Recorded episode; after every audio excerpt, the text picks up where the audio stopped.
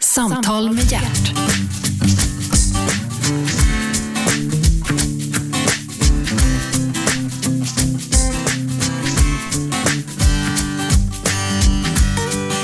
God morgon och hjärtligt välkomna till Radio 1, pratradiokanalen nummer 1.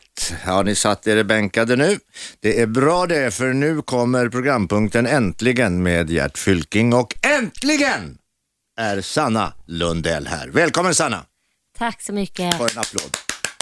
Jag applåderar mig själv här också. Ja, det får man göra i den här studien eftersom vara är två. Sanna Lundell, född 6 november 1978.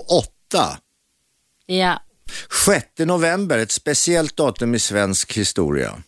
ja slaget vid Lützen. Mm, Gustav II Adolfs dödsdag. Just precis. Har det fått prägla din uppväxt? Otroligt mycket. Ja, för det finns ju en Gustav II Adolfs bakelse. Ja, men det gör det ju faktiskt. Men eh, då ska jag eh, göra dig besviken och tala om att jag aldrig har ätit den här bakelsen. Mm, det syns nästan. Du har ju för fan knappt kött och ben på kroppen. Du kanske skulle ta en bakelse. Jag ska göra det Ja, det tycker när jag. födelsedagen Eh, kommer. Sanna Lundell, trebarnsmor. Mm. Hårt arbetande. Gör väldigt mycket. Väldigt mycket. Ja, men det gör du. Du är väldigt flitig. Mm. Eller hur? Du bloggar. Ja. Du skriver kröniker. Mm. Eh, du har fått massa utmärkelser. Du har blivit årets mamma till exempel. ja.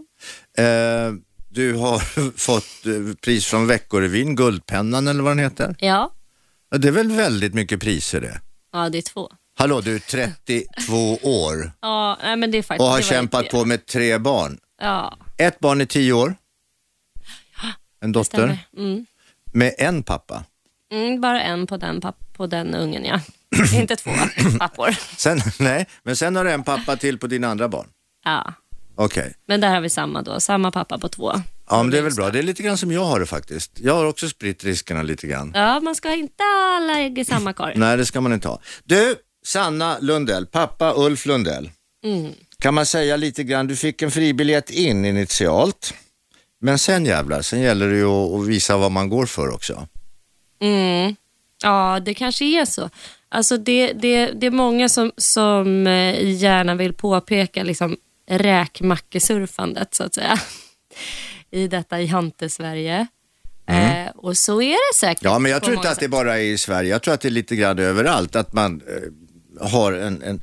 Det är klart att man har. Ja. Är- Är man, är man eh, lä- läkarbarn så har man ju liksom en räkmacka in i, i, i den världen och är man en bonde, bondebarn så har man en räkmacka in i den världen. Mm. Pappa Ulf Lundell skrev en låt till dig, Ded- dedikerade en låt till dig faktiskt. Ja, Sanna heter den, det gjorde han. som handlar om, om när han bytte, bytte blöjor på dig på nyårsafton. Ja, jag gör det verkligen. Nej, Jag tror inte han, det var nog inte mer något blöjbyte i den sångtexten, men Nej, nej, men det jag var, var, ju- liten i alla fall. du, ja. var, ja, du kan ha varit tre år då. ja, precis. Någonting i den stilen. Du växte upp tillsammans med din pappa? Ja, det gjorde jag. Alltså från och till kan man säga. Mina föräldrar skilde sig. Det är lite oklart när exakt vilket datum de skilde sig. Men någon gång när jag var, för det var en ganska utdragen process, men Mm. eh, fram tills att de skilde sig, då levde de. Ja, Ja, men ha- var de gifta innan? de var gifta. Ja, men då finns det ju ett domslut. ja. Och då går du ju bara in och, och du är ju journalist. Ja, ja, ja, ja, jag ska faktiskt gå och googla det snart. Här, Du kan det här ju tänkte jag. gräva. Ska jag få lite, ja, lite gräv här i egna bakgrunden, det kan vara bra. Ja, men det kan vara bra att veta. Eh, sen, sen skriver du mycket kröniker Mm. och eh, väldigt mycket lästa kröniker. Inte bara kröniker i allmänhet, utan folk läser dem också och tycker om dem. Det var kul, mer än vad jag visste. Jag vet Mm. skriver att de i är Aft- ganska mycket, de är kommenterade, men eh, jag men- visste inte att de var så lästa. Det var Ja, men det, det betyder om du får många kommentarer så betyder det att det är många som har läst. ja, eller att de är sjukt irriterade på mig. Ja, men det beror på att man... Så kan det vara också. har du människor, hur kan människor vara irriterade på dig? Ja, det kan man verkligen fråga sig. Det känns orimligt. Men, men det är ju så, när man skriver så är man ju en åsiktsbildare Mm, på ett sätt. mm, Man, man, man eh, skriver om någonting, man skriver ett ämne. Så här tycker jag, jag heter Sanna Lundell och det här står jag för. Och så skriver man under puss och kram Sanna. Och sen så står det där i tidningen, eh, Aftonbladet skriver det i tillfället va? mm, Så står ju det där i tidningen. mm. Och så läser folk det där så det är klart att vissa, åh vad bra, andra tycker, nej men vad i helvete skriver människan? Så här kan man väl inte tycka. Mm. Absolut. Vad får du mest av? Positiva eller negativa? Jag tycker, alltså det beror på li- vilka ämnen jag är inne på. Eh, nu skrev jag min senaste krönika om diagnoshets och eh, att vi i Sverige kanske eh, diagnostiserar lite för många barn med ADHD och Asperger. Eh, det refererade till en amerikansk forskare och då fick jag faktiskt den här gången, till skillnad från ett blogginlägg där jag skrev om samma ämne, men just den här krönikan genererade otroligt mycket positiva kommentarer. Så det var nästan bara bra. Men sen skrev jag om, om eh, prostitution. Det är ett ämne som män tycker att jag ska hålla, mig, hålla käften kring. De vill, ha sin, de vill ha sina horor i fred. Och då blir de jättearga. Så det, då, det är såna här, vissa ämnen och eh, när jag har skrivit om Sverigedemokraterna också, då får jag väldigt mycket negativ respons på det. Men det är ju för att de också är väldigt flitigt Men sex kan man skriva om. Alltså generellt, Ja, men inte om prostitution. nej. Jo, Jo, det är klart man ska Ja, det skriva får om man väl prostitution liksom, menar jag, ja. men, men det, det, det, det tas inte emot speciellt positivt utav männen. Nej, alltså, det- jag, jag vet inte vad det är med prostitution, men det verkar vara som att det är ett ämne som kvinnor liksom inte ska hålla på och tycka så jävla mycket kring. Alltså. Utan det, mm, det är deras lilla... Mm. Det är som en god cigarr. Ja, det är som en god cigarr, det är ingenting att hålla på om och tjafsa om, utan det har alltid funnits i alla tider och det är ingen som kommer till skada och det är så jävla överdrivet eh, och att problematisera det och så vidare och så vidare. Liksom. Ja. Eh, så så det, det är ett lite så här tabuämne tror jag. Men eh, vore det en man som skrev den krönikan så tror jag att det skulle få en lite annat emo- eh, mottagande. Jag skrev en krönika en gång som det blev så jävla mycket hallå om. Ja, vad Jag har bra. aldrig fått så mycket hallå, till och med fått stryk efteråt. Påhoppad och fått ett Nej, knytnävsslag. vad var det då? Då, hade jag skri... det- då skrev jag att sommarkatter är en myt. Ja, det var kanske inte så här jordens smartaste grej. Då blev Står det... du för det idag också? Ja, Det är en myt. det är en myt. Ring Stockholms katthem och fråga. Ja, det kan jag Och det är många från Stack- Stockholms katthem och andra katthem runt om i världen som hör av sig och säger att så är det absolut inte. Men jag råkar känna till hur katter förökar sig, var, när och hur. Ja. Så. Men vi kan lämna katter. Ah, ja, men gud, det har du rätt i nu när jag tänker efter. Mm, det är rätt många katter som går ut i skogen och föder små kattungar. Ja, det är det. Och sen söker de sig till hus, de här kattungarna, för där får de mjölk eller någonting när barnen ser de här små katterna. Och sen kommer de dit regelbundet. Mm. Och sen då, ska, ska man skjuta dem när man åker därifrån? Eller ska man bara låta dem vara? Mm. Mm. Det är en bra fråga. Jag, Jag tycker man ska göra som bönderna gör, man lägger dem i en säck och så skjuter man med hagelsprakan bara. Vår granne körde en annan stil. Man bara, no, några stenar i tygsäcken, ner med dem i sjön bara. Ja, tycker jag inte att man ska göra. In med dem till veterinären. ja. det finns ju humanare sätt. Sätt Så- ut en annons på Blocket för fasen och kräng de där små kissarna. Ja, så ska vi göra. Sanna Lundell. Ja. Sanna Lundell, eh, du har två barn också med Micke Persbrandt. Mm. Ni är sa- är särbos. ja. Man kan inte leva ihop med Micke va? Man kan inte leva ihop med mig kanske. Det är så? Ja, det kanske man ska vända på det och fråga sig. Ja visst, det kan man absolut göra det. Men, men eh, det har ju stått väldigt mycket om Micke i, i tidningarna och han har blivit fälld för att han har tagit droger och sådär. Påverkar det dig? Eh, skriverierna, nej det, nej det gör faktiskt inte det. det. Det kanske låter jättemärkligt, men det gör inte det. Men det står ju på stora löpsedlar att nu åker Sanna Lundell utomlands med barnen, hon orkar inte längre. Stora och stora. Det stod, stod på Hänt Extra, någon liten blänkare. Men alltså, som jag sa till dig tidigare vid ett tillfälle så utgår jag på något märkligt sätt, kanske lite godtroget. Men jag tror väl om människor och jag tror att de allra, allra flesta som läser den här, eh, jag ska inte säga skiten, för det har säkert något, någon, någon slags, liksom, vad ska man säga? Grund?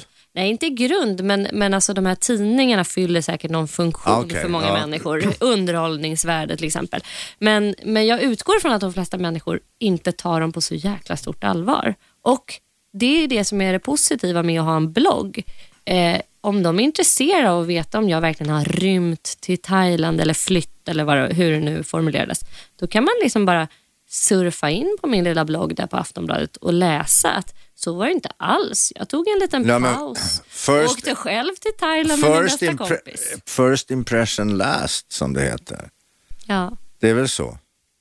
Och sen så läser de din blogg nu, nu försöker de bara försvara Försök sig. att mörka här. Ja. Ja. Men det här att, att ens eget liv får vara underhållning för andra människor, hur är det? Alltså, alltså ens eget privatliv, Alltså det, är det jag- okej? Ja, men alltså, det är också säkert stor skillnad. För, alltså, jag har liksom mer eller mindre i hela mitt liv eh, levt i en familj där det har liksom försiggått. Mm. Eftersom jag är född då av min mor visserligen, men avlad av min far. Som är ett känt ansikte för de allra Mm. Ulf flesta. Lundell, Mm. svenskar. ja. Och då på, på ett eller annat sätt så har liksom media alltid figurerat. Liksom. Och det- för mig det är liksom, det är typ ett normalt tillstånd. Så att jag, jag kan inte börja ifrågasätta det. Jag skulle säkert kunna börja tycka att det var asjobbigt, men då måste jag ju börja liksom fly landet eller stänga in mig i någon liten stuga och så här stänga av allting. Och är man det minst intresserad av att utöva sitt yrke som jag är och har valt att bli journalist så blir det lite svårt. Ja, men det där, givetvis finns det en stor skillnad, som du själv säger. Du har vuxit upp med det här, du, du, eh, du har sett tidningsrubriker, din pappa eh, är stor artist och det har skrivits mycket positivt och skit och det har varit mycket spekulationer kring honom och det har stått väldigt mycket i tidningarna om det här. Och du har sett det här och varit medveten om det här och du växer upp i det här och det bara fortsätter. Det är naturligtvis enklare att hantera det då. Ja. Jag tänker på de här som till exempel är instängda i, i Big Brother-huset i hundra, hundra dygn Ja. och sen kommer ut utan att veta någonting Mm. och är, står i tidningarna om. Det måste ju vara katastrof på ett Ja, sätt. det måste vara väldigt svårt att hantera. Ja. Om man aldrig har liksom sett sig själv skildras medialt så måste det vara skitjobbigt. Ja. Det tror jag, absolut. Men går du på mycket kändisfester och kändispromenader? Eller eh, promenader, premiär? Eh, ingen, nej, jag gör faktiskt inte det. Jag, jag går nästan inte på några. Jag tycker det är jättekonstiga situationer när man står och så här buntas ihop för att man känner ju oftast inte så många på de där festerna. Nej, Så ja. kommer man själv där eller med sin partner eller med någon kompis så står man där i något litet hörn och sippar på en liten drink så kanske man får syn på någon som man känner igen lite grann. Liksom. ja, men du går för sällan alltså? Ja, det gör jag kanske då. då. Du, det, det, du, du måste bli ett sånt där par, partylejon. Ja, men jag har inte tid. Jag har ju barnen. Du har Jag- tre barn, Jag har tre barn och jag har ju dessutom en häst. en häst också. Ja, och det är nästan mer än att ha ett barn kan jag säga. Det måste vi prata mer om. Mm. Du lyssnar på Radio 1, du lyssnar på programmet Äntligen och äntligen är Sanna Lundell här. Sanna har häst. Jo, jag tackar jag. Och det är mera bekymmer med en häst än med ett barn. Det där måste vi ju höra mer om. Vi är strax tillbaka. Äntligen! Samtal med hjärt.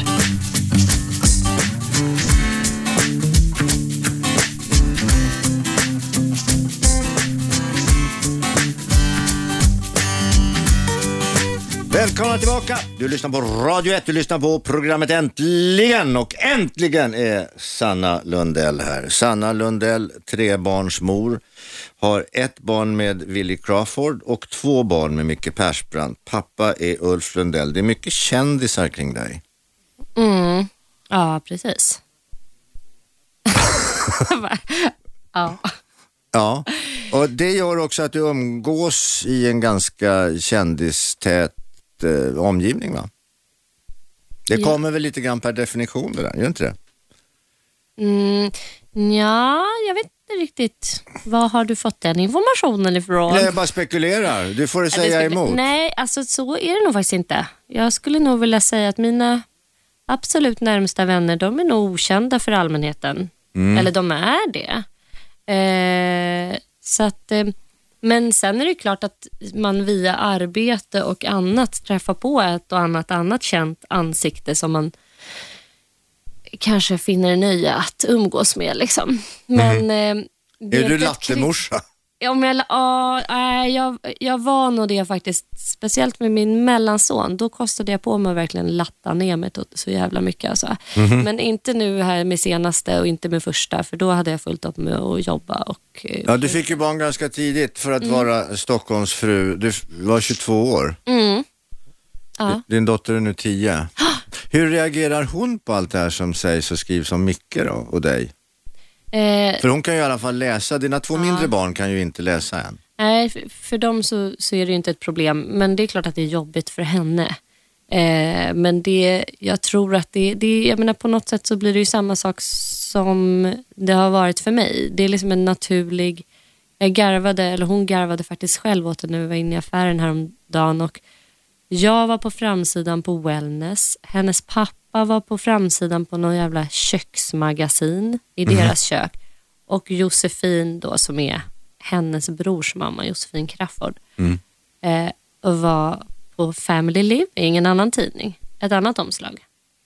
Och då, då, då garvade hon faktiskt lite åt det och tyckte så här, men gud, ni är ju överallt. Aldrig får man vara i fred. Nej, men så det- hon, för henne är det också, det börjar ju bli någon slags normaltillstånd. Men det är klart att hon tycker det är jobbigt. Alltså det är en känslig ålder och eh, det, det, det här med liksom integritet och gränssättning och Mm. ifrågasättande och det här med sanning och vad som är på riktigt och inte. Och så här. Det, det är ju det som utforskas i den där åldern. Jo, det utforskas i den här åldern, men samtidigt så är det ju så att, att eh, hon vet ju sanningen. Alltså Ja. hon, hon vet ju sanningen. Ja. Men, men hennes kompisar, Ja. de tror ju att det är sant eftersom det står i tidningen. Så det blir ju en väldig balans det där. Vi behöver inte grotta ner oss i det, men, Ja, men jag kan säga så här för avslutningsvis, det som jag tror är jobbigast för henne eller för alla barn, det är så här, alltså barn har fullt upp med sig själva. Mm. Deras föräldrar borde liksom på något sätt, det, det är ingen som, alltså, när man är tio år då är man inte intresserad av att sitta och snacka om någons jävla föräldrar. Nej. Mm. Mer än att eventuellt klaga på att de är lite jobbiga. Men, nej, det må så vara. och men det, det är väl jobbigt för henne men att det kan vara deras fokus. barnens föräldrar Ja. tycker att det är jättespännande. Ja, det är möjligt, jag vet Ja, ja, inte. vi men- kan lämna den där skiten. Du, Ja. Sanna Lundell, som jag sa, du fick en lite grann av en eh, eh, gratisbiljett, fribiljett in. Men sen jävlar så gällde det att ta tag i saker och ting och det upptäckte du väl ganska tidigt? Att ska man bli något så måste man göra något. Ja, det beror på vad man har för liksom, eh, mi- vision och vad man vill göra med sitt liv. Men, eh, jo, men så är det nog Du absolut. började ju Där tror plugga, jag- du började ju plugga. Ja, Du började Gjorde. plugga religion och islam och lite annat konstigt. mm. Jag började plugga när jag eh, var 20 va, eller 19. Då, då började jag på Uppsala. Jag hade någon slags idé om att jag ville... Alltså det var det som jag tyckte var intressant. Vad Så ville var du det. bli då? Islam och Mellanöstern. Jag, jag vet inte, jag närde nog redan då faktiskt någon slags så här, journalistdröm, att jag skulle vilja bevaka Mellanöstern. Hade väldigt storslagna pra- planer. Bli, bli utlandskorre? Ja, det hade jag.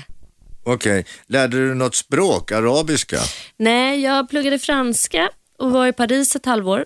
Mhm. Men jag är fan helt värdelös på franska. Så Bonjour kan du väl säga? Bonjour, det kan jag säga, men inte mycket mer.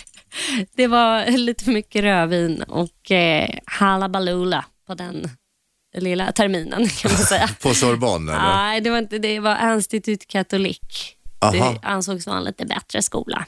Men det märks inte på mina franska kunskaper. Nej, utan den, den slösades bort på rödvin och... Ja, det var ett studielån helt i onödan kan man säga. Nej, så ska man inte säga. Nej, det var väldigt kul. Det var lärorikt på andra sätt. Men jag Ja. lärde mig inte så mycket franska som jag skulle vilja. Jag Nej. kan ta mig hjälpligt fram. Ja, jag, kan, jag var guide i Paris. Nej, var det? Oui. Så du Nej. pratar väldigt bra franska. Nej, det gör jag inte. Det hade jag väl kanske behövt. Men du kan berätta om Jag Paris. kan berätta väldigt mycket om Paris, så att är det så att du har några frågor kan du vända dig till mig. Det känns bra. Been there, done that. Ja, grymt. Ja, men då ska jag ringa dig sen. nej, jag, eh, jag, jag gillar Paris, men jag hatar fransmän.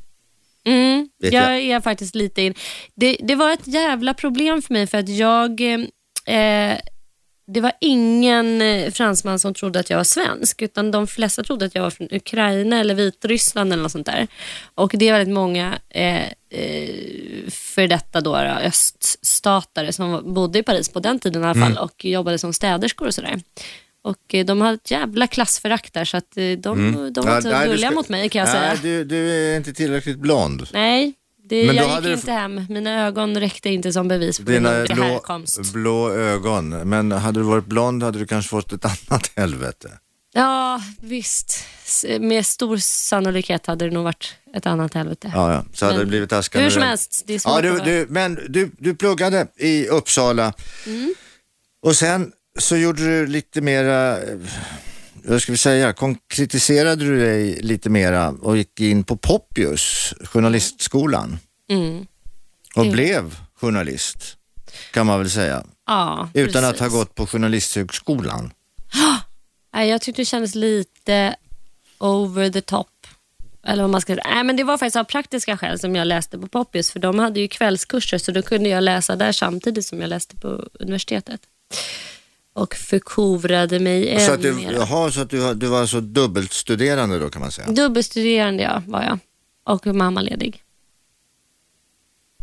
Samtidigt. Nu blev det en lång paus här, jag tittar på Det var- Sanna. Ja men det är, ju, det är ju faktiskt väldigt strångt det där. Det är jobbigt.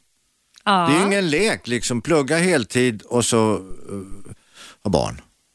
Nej, det är... Men, eh, Hur fick du det att gå ihop då? Det var, vi hade väldigt bra uppdelning där. Det ska min eh, gamla ex vilja ha stort cred för. För vi eh, körde någon slags delad föräldraledighet. Eh, ledighet. Där vi körde så här varannan dag och pusslade ihop mycket. Så där. För jag hade då ingen föräldrapenning. För det har man inte om man inte har varit fast anställd innan man får barn. Alltså då har man ingen sjukpenningsgrundande inkomst. Ja just det. Så då var jag liksom tvungen att fortsätta plugga för att kunna ha en inkomst. Eh, Och så det var lån då. Och det var lån ja. Ja. Det var ju ett Men studielån. vad fan kunde inte pappa Uffe skjuta till lite då? Ja, det kunde han ju ha gjort kan man ju tycka. Men nej, jag eh, kände nog att eh, ja, men det, det, det liksom ligger inte för mig heller att stå Mm. med den lilla hoven. Har man försatt sig i en situation som vuxen får man försöka efter bästa förmåga och det gick ju alldeles utmärkt. Mm. Sanna Lundell är här i programmet Äntligen. Eh, Du lyssnar på Radio 1. Du hann inte komma in på hästen. Nej, just det. Vi, vi, måste ju, eh, vi måste ju ta det här med hästarna också. Eh, Sanna är enligt, enligt rykte otroligt duktig ryttarinna. Oj. Ja, jag tackar jag. Jag tackar. Vi är strax tillbaka.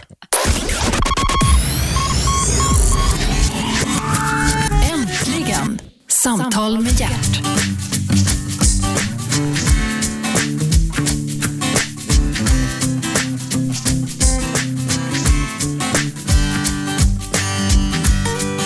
Välkomna tillbaks. Du lyssnar på Radio 1, pratradiokanalen nummer ett.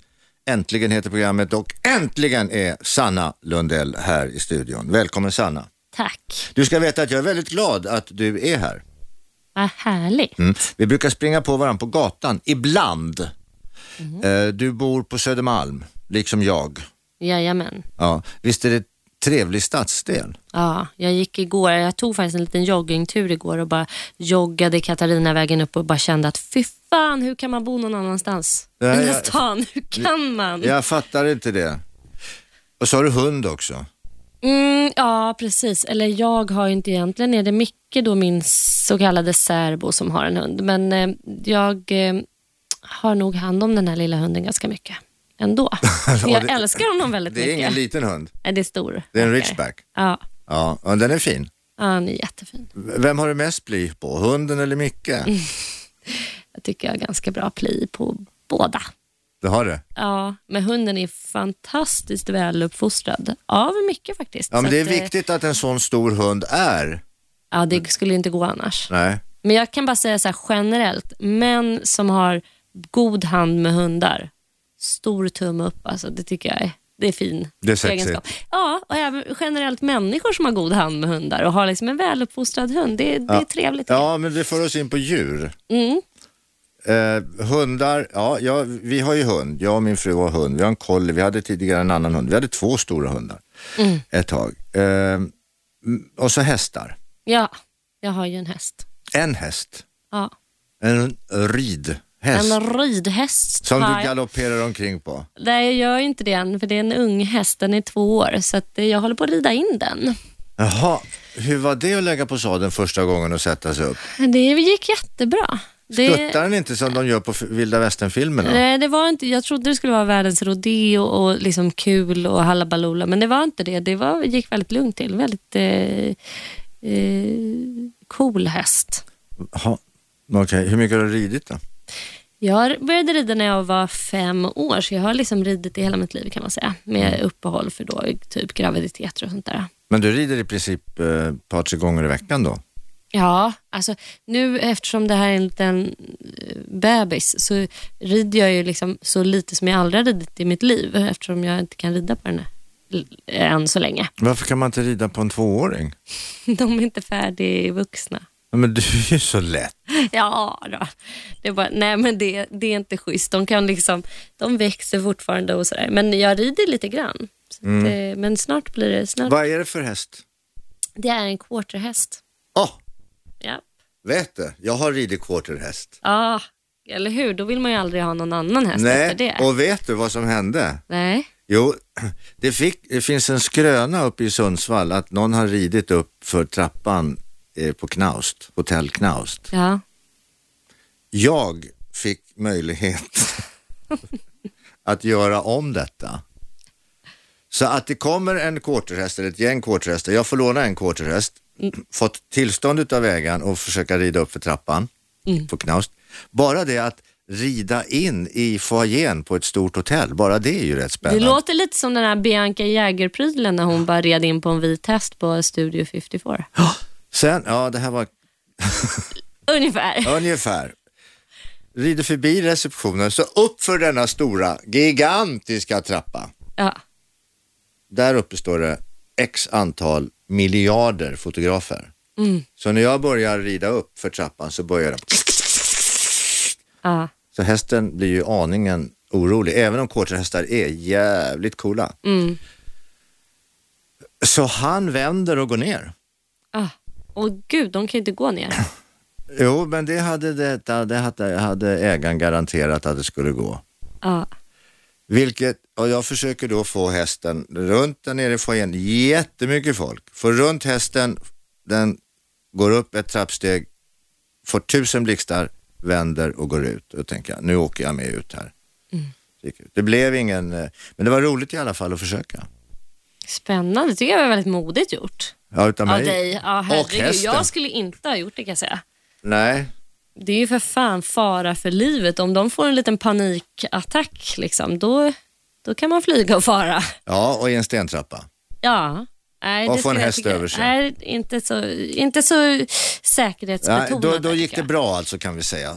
Mycket bra tycker jag. Ja. Att den bara vände liksom. Varför quarterhäst? Eh, därför att det är den bästa hästen såklart. Nej, men jag, alltså, en kompis med jag har ju ridit vanlig klassisk skolridning, engelsk då som det kallas i alla här i år. Men så var det en kompis till mig som åkte till USA och började rida quarterhästar och eh, började rida västern. En Ja. nära vän till mig. Och eh, hon har då startat en ranch i Nyköping som heter QL Center. Och alla som är intresserade av att veta mer kan bara googla in sig där. Då ska jag anmäla mig där. Gör det, för de har kossor där, man kan Nej, men rida. kossor liksom. vill Nej, jag men inte man rida. rider in i koflocken Jaha. och det är jävligt kul ska jag säga. Det är lite mer action än att strutta runt och Ja. hoppa hinder till Ja. exempel. Eller. Nej, det, Nej. det är jävligt kul. Jag har ett stort projekt på gång, jag ska prata om, med dig om det vid tillfälle, nämligen, och där quarterhästar är involverade. Ja, det är Du, lite bra. eh, ja, Sanna Lundell, berätta nu, du, du håller på och eh, drar igång ett stort jätteprojekt här tillsammans med eh, min gode vän Robert Aschberg. Ja, det stämmer. Väldigt roligt. Ni är ska det. bli granskande journalister och sätta, folk, sätta käppar i hjulet för folk, eller vad är det det handlar om? Ja, alltså det är väl det. Eh, ja, du sa det ju så bra själv där. Vi ska väl s- granska oegentligheter på olika sätt, är tanken. Är det något speciellt tema? Vi har inte riktigt kommit in. Jag jobbade min första dag idag och nu sätter vi igång. Liksom. Och det är tusen idéer och eh, tusen ämnen än så länge och vi har inte satt en enda. Mm. Än, än. Eh, känner du Robban? Nej, jag känner inte honom sedan tidigare. Jag känner Robban. Ja, hur är han då? Lycka till Sanna! Tack! Fan, det där vet jag inte riktigt hur jag ska tolka. Nej, nej, nej du, du behöver inte vara orolig på någon punkt faktiskt när det gäller Robban. Nej, jag tyckte... Jag tyckte Alla tror att han är så bombastisk, och, eller tycker att han är så bo- bombastisk och otrevlig och sarkastisk och allt vad- Men det är han inte. nej, jag, han är, det han lilla jag är har mjuk, sett av han är honom, jag tycker han mjuk och verkar jätte- grinar. Det är säkert. Jag vet, alla säger det där på, på Strix. Han Ja. gråter. Ja. Eh, Sanna, Mm. n- när kommer det här programmet att börja? Eh, oj, eh, i, Snart. Ja, i, snart i oktober. Mm. Och ni ska köra tio program eller? Åtta program. Åtta program, en Mm. så kallad programserie. Ja. Spännande, Mm, det, jättespännande. det eh, ska vi följa. Eh, hur, hur mår Micke idag? Din, din särbo? Eh, Min särbo, det får har- du ringa och fråga honom om. Ja, jag tror att det eller går bra. bor ni så långt isär så att ni inte hörs ofta eller? Nej, nej, det gör vi inte. Just nu bor vi väldigt nära in på varandra. Eh, nej, men han, nej, vi bor inte alls. Vi, vi bor ganska mycket hos varandra. Ja, för det har ju varit mycket sommar nu och sånt där och semester på Gotland. Och. Mm. Ja, precis. Vi vill gärna höra lite mer. Höra! Höra om Gotland. Ja, ja, jag var på Gotland själv nämligen. du var det? Ja. Almedalsveckan kanske? Nej, här är du. Stockholmsveckan Nej, kanske? här är du. Nej. Jag var där i t- två nätter, tre dagar. Ja. Ja. Jag s- Vi, vi återkommer, vi vill höra mer om Gotland eh, och eh, vi vill höra mer om dina framtida planer. Vi vill höra mer om hur, hur det går med din vision att bli korrespondent också i Österland. Vi är strax tillbaks. Äntligen! Samtal med hjärt.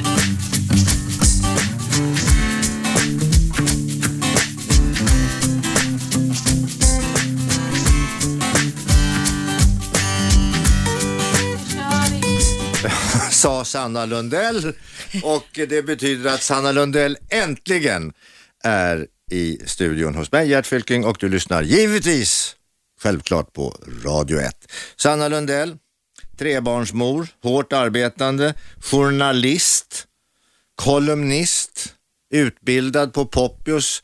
Det är många som har gått på denna Poppius som har blivit stora journalister utan att ha gått på Journalisthögskolan. Journalisthögskolan är lite snobbig tycker jag. Du tycker det? Ja, det må så vara. Jag har ju inte så stor koll. De jag känner som har gått där är väldigt duktiga. Mm. Eh, ut- och- men eh, Men det är så jävla märkvärdigt, journalistfacket i alla fall. ja, men det absolut. Är du med i facket? Ja, jag skriver ju dessutom eh, en tidning som heter Frilansjournalisten, eller ett nyhetsbrev Okej. som jag är redaktör för. Jaha. Det är en facklig tidskrift.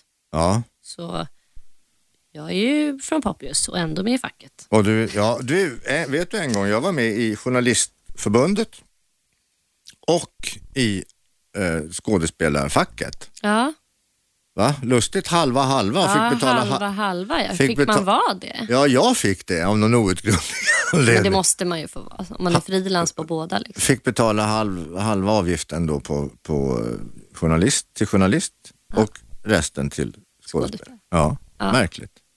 Mycket märkligt. Ja, men nu betalar jag, nu betalar jag bara till, till eh, skådespelarfacket. Ja. En Du slags- klev ur Journalistförbundet. Nej, jag, jag blev, eh, jag slutade att betala. Nu betalar jag, nu, be- nu, nu, nu så skickar jag lite, en hundring i månaden skickar jag till, eh, Bara sådär liksom. Ja, Skickar in. faktiskt. Ja, men det är bra. till skådespelarfacket. Nej men de har gjort mig så gott och varit så snälla och de har kommit ihåg mig när jag fyller år och jag har fått blommor och sånt där. Ja, Det är väl ska man- trevligt? Ja, det är tre- mycket trevligt. Jag tycker det är viktigt att man någon gång från något håll som är lite sådär myndighet får ett, en positiv grej. Ja, en positiv feedback, absolut. Jag Det får håller man med. ju aldrig. Nej. Varför kan man aldrig få ett brunt fönsterkuvert där det står Hej Gert! härlig, Gert." Hej Gert! Vad roligt att du har betalt den här månaden, tack så mycket. Ja, det vore jäkligt trevligt. Varför kan man inte få det? Positiv förstärkning, det är det enda som funkar på både hundar, hästar och människor. Ja, och- Börja med det, Sveriges Och det kan du myndigheter. mycket Ja. om. Positiv förstärkning. Ja. Men du, vad är det du ska göra nu då med, med Robert Aschberg? Eh, ja, som jag sa tidigare här så ska vi väl ge oss in och försöka granska olika oegentligheter Mm. orättvisor. Va, va, är det någonting som, som du tycker ligger nära dig som du vill ta fram eller är det något speciellt?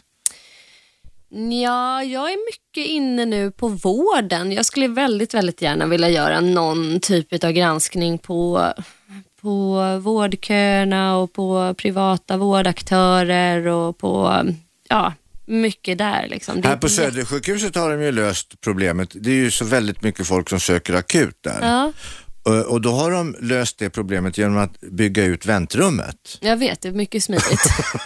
väldigt bra. Precis, det är där jag skulle in, vilja in och kika lite på den typen av metoder. Det, det är ju fullständigt bisarrt.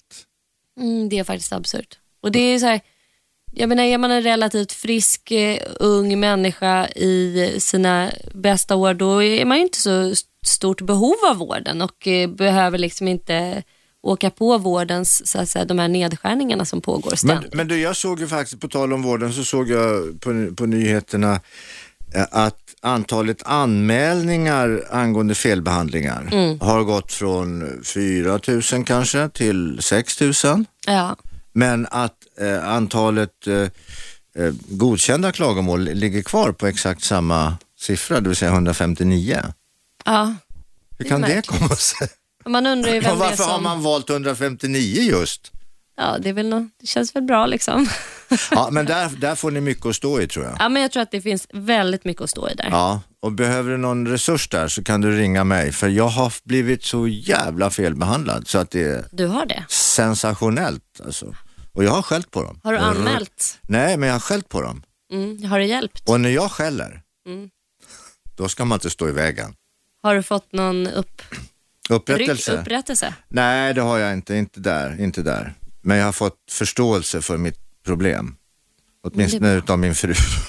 Men det var ju inte någon vårdaktör direkt. jo, hon tar hand om mig. Ja, men, det, det, ja, men hon får inte betalt för det. Du, hur, du är trebarnsmor. Hur klarar du att vara trebarnsmor?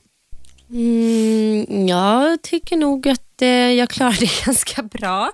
Jag, eh, det är naturligtvis ganska stressigt. Jag är så jävla trött på det här begreppet livspusslet, men eh, eh, jag måste nog ändå eh, använda mig av det, för det är ett pussel att få ihop allting. Och eh, Det kan naturligtvis vara väldigt stressigt emellanåt. Jag tycker det har varit eh, fruktansvärd månad, maj månad, eller ju, början av juni.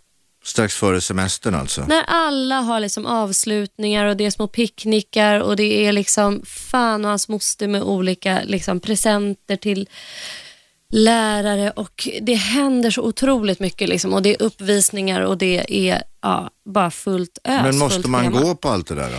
Nej, det är klart att man inte måste, men då får man ju liksom riskera att känna sig som en dålig morsa. Och där tror jag är lite skillnad på eh, kvinnor respektive män. Liksom. Eh, att som pappa inte komma på den där lilla picknicken, Det är okej. det är lite mer okej för att han eventuellt då måste göra någonting väldigt viktigt. Mm. Men att som Eh, mamma men att uteblir. som mamma uteblir, det är inte okej. Alltså, det ses inte riktigt med samma blida ögon, tror jag. Ja, jag tror att du Det har känns rätt så. där. Jag Ja. Mm. tror att du har synnerligen rätt där. Eh, och jag, jag tror att det är väldigt mycket mer viktigt för en mamma att visa att hon tar hand om sina barn än det är för en pappa att visa att han tar hand om sina barn. Ja, det tror Alltså jag också. i skenet, i, i skenet inför andra. Ja. Det tror jag. Det tror jag absolut också. För vad ska annars, liksom kärringarna på dagis, prata om? Mm. Vad fan ska de ha att snacka om? Vi. ja, men, ja, nej, men i övrigt, tre barn, det är ju faktiskt fantastiskt härligt också. Det är ju jätteroligt. Barn berikar ju livet mer än vad det är jobbigt. Ja, men tycker du jag. har ju klarat av, du är 32 nu. Mm. Du har ju klarat av dina tre ungar innan väldigt många kvinnor ens har börjat Ja. att tänka på och, och eventuellt skaffa barn. Ja, precis. Det har jag ju gjort. Och det, det kanske, räcker det för dig nu eller? I alla fall just nu känner jag att jag är... Nej, det, det ska, jag träffade en tant en gång och hon sa så här, när jag hade mitt första barn, bara. Och Då sa hon till mig så här, Åh, vad, du ska vara glad. Tänk på detta följande. Ett barn är ett barn. Två barn, det är fem barn. Tre barn, det är ett helt fotbollslag. Och det, grejen är den att hon hade, jag fattar inte riktigt vad hon menade då, men det är eh, korrekt beskrivning av trebarnsverkligheten. För det är, liksom, det är väldigt mycket att hålla reda på tre eh, skiftande behov. Det är alltid någon som behöver något. Ja, men sen har du ju två papper också. Ja, Så, och de ska ju också ha möjlighet att umgås med barnen och få kvalitetstid med barnen. ja, Det, det ingår ju också i det här livspusslet. ja precis. Eh, ja, men så är det ju. Vem går och handlar? Vem tar hand om middagen? Är det du det?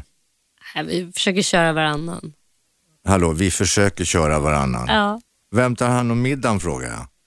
Det är faktiskt så. Är det så? Ja, det är, jag är fan med hårdbarkad alltså. Välkommen hem till mig och få en kurs i jämställdhet. Alltså- ja, ja, ja, Nej, absolut. Men nu är det så att vi, eftersom jag och Micke har ju lite speciella eh, arbetssituationer som gör att Micke kan vara väldigt, lång tid väldigt ledig. ja, den där Micke vi pratar om, det är alltså Micke Persbrandt, skådespelare. Det är, precis. Mm. Men där, så det, vi, eh, liksom, han kan vara ledig långa perioder och eh, arbeta till exempel utomlands i två månader och då är det ju naturligtvis jag som fixar middagen. Mm. Eller eh, en barnvakt. Du har backup. Jag har backup. Jag har haft det här nu senaste året och det har verkligen varit i väldigt, väldigt bra.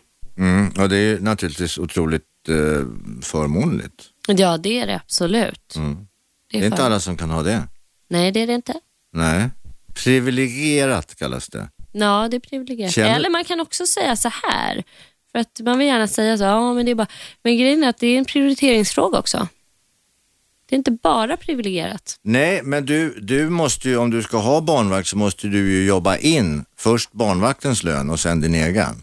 Mm, precis. Så är det ju faktiskt. Jo, men- eller, eller är det så att man jobbar dygnet runt och är borta i till exempel Jordanien på en filminspelning i två månader. Mm. Så det är klart att jobbar man då dygnet runt, då tjänar man ju kanske lite my- mer pengar.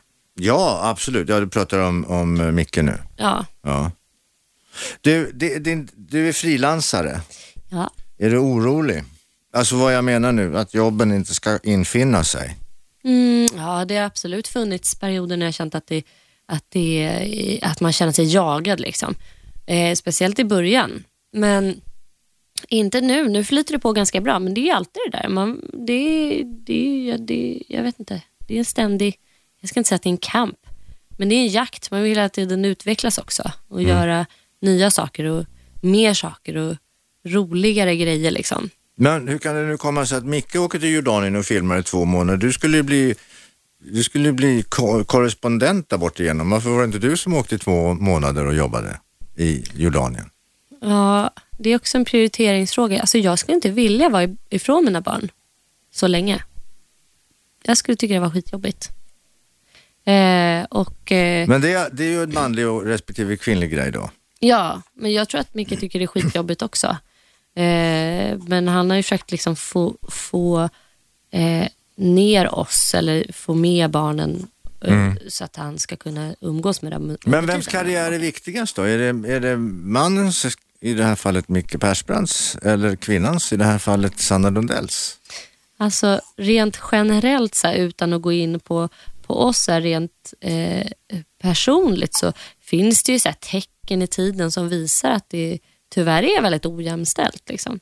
Men Ja, men den tiden har väl varit ganska länge. ja, den har ju alltid varit. Urminnes och det är tider. bara tråkigt att den bara fortsätter och fortsätter och liksom att det inte händer så mycket på den fronten. Men Ja, ja, men evolutionen, vet du, den är långsam. den är mycket långsam. Men det, Det skulle var ju- rätt länge sedan vi liksom ve- levde som små kryp i vattenbrynet. Ja, men det var ju några miljoner år sedan. Ja, men Men eh, det var å andra sidan ganska så eh, kort tid sedan vi levde liksom och inte hade toaletter. mm. Det går, kan gå väldigt snabbt med Det- viss typ av utveckling tydligen, men a- annan, då är det lite Men jag neandertals. hänger kvar vid Nivå. utedass. Du gör det? Inne på centrala Södermalm? Nej, no, men ute på landet. Ja, men det, det är härligt, nära naturen. Ja, det är bra. Men eh, ni har sommarställe på Gotland. Mm, precis. Är det mycket på Gotland? Mm, ja, vi har varit, för det är ju väldigt nytt. Eh, och, eh, men jag har ju varit på Gotland i, under hela mitt liv. Vi har hyrt hus och sett till att vara på Gotland i alla fall varje sommar. Eh, mer eller mindre långa perioder. Mm. Alltså s- även som barn då? Med, Ja, ja. även som barn. Ulf Lundell gillade Gotland. Ja, och lilla Barbro Lundell. Gillade gillade också. Gotland också, Också väldigt Gotland. mycket. Tack så mycket Sanna Lundell. Ja, du har lyssnat på Radio 1 och programpunkten Äntligen med Gert Fylking och äntligen var Sanna Lundell här. Stort tack Sanna. Ja, ni slutar inte att lyssna på Radio 1 för att detta program är slut utan nu har, sitter ni kvar vid radion för att om en liten stund så kommer nämligen Robert Aschberg. Det vill ni inte missa. Vi, vi hörs imorgon. Tack för idag. 101,9 Radio 1. Sveriges nya pratradio.